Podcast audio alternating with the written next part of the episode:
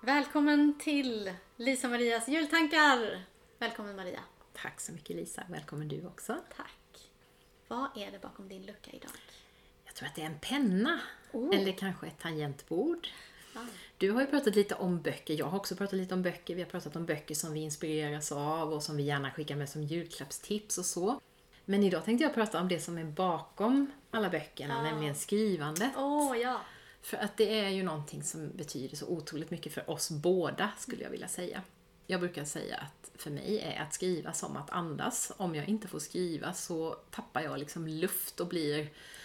Nej, jag mår inte bra. Jag eh, märker det på mig själv. Jag blir grinig. Jag har skrivit väldigt lite det här året. Jag har varit ganska grinig också, tycker jag.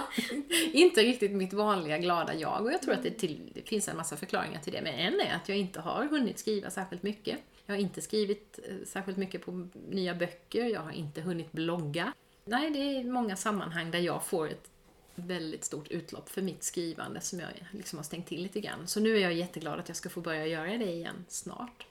Och skrivandet har ju alltid funnits hos mig. Jag började skriva i princip när jag började läsa. Så började jag skriva böcker och jag visste jättetidigt att jag skulle bli författare och allt det här. Så att det har ju funnits liksom den, den professionella skrivtanken har funnits hos mig i jättemånga år och den har jag ju plockat upp nu.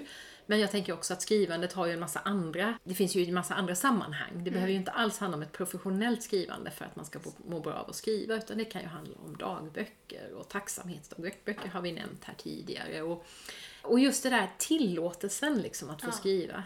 Det här som jag gör varje år när jag åker iväg till Öland och bara skriver i, ja nu är det nästan en vecka det brukar bli. I början så var det en helg men det har växt liksom till en vecka för att det är så otroligt livgivande för mig. Och det handlar ju om, alltså det handlar om en massa saker egentligen. Det handlar om att sätta ord på tankar och känslor och sånt som snurrar och som bara far runt och som man liksom inte riktigt får fatt i. Att få ner det i skrift, det kan man få i samtal också, kan fylla lite samma funktion. Men i skrift är ett sätt att göra det. Att skriva, för, ja, dels att få syn på saker, att skriva för att läka. Jag nämnde i tidigare, en tidigare lucka här att eh, på min toalett så ligger det en bok som heter Skriv för att läka. Och den handlar om just det där skrivandet som ett redskap för att ta hand om trauman och jobbiga känslor och erfarenheter och sådär. Att det händer någonting när vi går från att bara ha det inom oss till att få ut det på ett papper eller i en dator som det ju ofta är numera då. Ja, så det här med skrivandet. Vad betyder det för dig Lisa? Ja men jättemycket. Alltså jag skriver ju dagbok och numera, sen, sen några år tillbaka så skriver jag ju dagbok varje dag. Och, eh, och det är ju, jag brukar ju tänka på det som att det är liksom, alltså när jag går upp på morgonen så är mina tankar ofta i looper liksom. De snurrar runt och runt och runt. Många av dem och dansar med varandra och det är lite, lite besvärande. Så att, och då sätter jag pennan till pappret och så rätar jag ut tankarna till en linje och då går de till, till slut. Kanske inte till slut, men de går i alla fall längre än vad de hade gjort om de hade snurrat i huvudet. Och så lugnar sig hjärnan lite Ja. grann. Så det, och det är ju bara en aspekt. Liksom. Just det. Eh, Så där betyder det jättemycket. Och sen längtar ju jag efter, det har vi ju pratat om, att jag har ju använt skrivande som en marknadsföringstaktik. Usch, det låter så väldigt tråkigt. Men jag bloggar och jag skriver mitt nyhetsbrev och jag skriver på, på Instagram och Facebook och så för att berätta att jag finns och vad jag erbjuder i mitt företag och sådär. Men jag längtar efter att sätta skrivandet i centrum. Att, att skriva även publikt för på ett sätt som inte är till för någonting annat utan till för sig själv, som förstår för sig självt. Så det, och sen har jag ju dessutom fått för mig att jag ska göra detta på engelska bara för att kasta mig utan, en bra bit utanför komfortzonen. eh, så. Eh, så att det betyder jättemycket.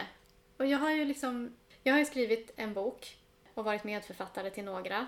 Men det är ju också en sån sak som liksom Ja men som jag, så här, jag vill ju, ja men jag vill att det ska bli fler böcker också Mm. helt enkelt. Jag tycker att det är skandal att det är tio år sedan. Mm. Eh, och det är någonting som jag vill ge mer plats i, Mm. i mitt liv. Så jag förstår precis vad du pratar om. Och det är häftigt. Jag tänker också på det som du pratar om att, eh, att skriva är att andas och att, eh, att du blir irriterad, grumpy, när du inte får skriva. Mm. Jag tänker att det, ibland är det så att det går åt båda hållen också. Mm. Att när vi kanske inte mår bra när vi kanske borde, borde, nu är det det ordet igen, men när vi verkligen skulle behöva ta tid för det som vi mår bra av Ja. så gör vi inte det. Nej, Eh, För att vi tycker att, för att vi inte mår bra helt enkelt. Och så Nej. blir det en ond cirkel. just det. Istället för att liksom det kan bli en god cirkel. Ja, där man lossar upp någonting och hittar nyckeln till någonting sådär. Ja. Precis. Så precis som att vi behöver kanske hjälpa oss själva till yogamattan ibland. Mm. Så kanske vi behöver hjälpa oss själva till skrivandet. Mm. Kanske är det för övrigt även den liknelsen som vi pratade om när vi pratade om yoga. Det vill säga eh, kanske inte en timme om dagen, kanske Nej. tio minuter tre gånger i veckan. A little goes a long way, som Precis. Adrian säger. Ja, precis. Ja, men att hitta något utlopp. Och för, för jag tänker att många tänker så här, ja men jag är ingen skrivande människa. Det har jag mött hos många när jag har pratat om skrivandet. Mm. Visst, så kan det ju vara, men jag tror också att när man tänker att man om man är en skrivande människa eller inte, så tänker man ofta i det där publicera, Ja. skriva stort, skriva bloggar. Alltså det behöver verkligen inte vara så. Morgonsidor har ju både du och jag till exempel använt oss av. Där man bara sätter sig ner och bara skriver ur. Det är ingen annan som ska läsa. Det är ingen, man behöver inte ens titta tillbaks på det själv någonsin. Utan bara, bara få ur sig. Bara Och man behöver ord. inte köpa dyraste pennan och dyraste Nej. boken. Och sen sitta där och inte vilja börja för att man vill Nej. inte förstöra, Förstöra fina pappret. Köp ett kollegieblock Ja. eller hitta något någon, Ja. i någon gömma istället. Mm. Nej men verkligen. Och jag tänker att det kan också vara, om man inte vill skriva så kanske att du vill rita en streckgubbe varje dag. Mm. Alltså, Ja.